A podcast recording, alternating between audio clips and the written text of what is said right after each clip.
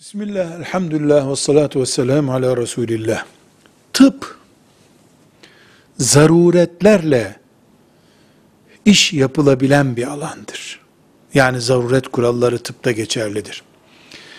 Şiddetli bir diş ağrısıyla, ayakta duramayacak, uyuyamayacak, baygınlıklar geçiren bir durumdaki bir kadın, bir dişçiye gidip, acile gidip, erkek dişçi de diş tedavisi yaptırsa, morfin vurdursa, bunda bir sakınca yoktur.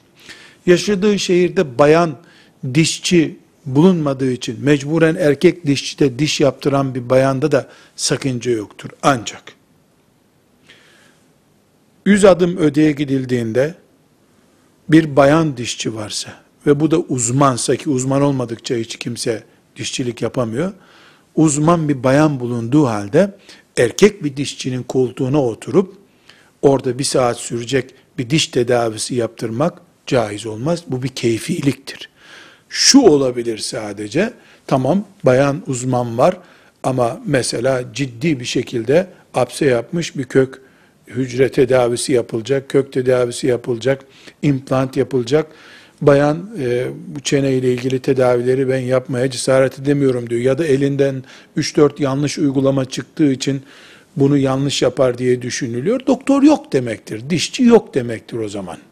Yine bir erkeğe gidilebilir. Yani erkeğe diş dişçi olan erkeğe bayan gitmemeli. Zaruret ise götürür. Burada zaruretin varlığı ve yokluğu herkesin imanıyla karar vereceği bir şeydir.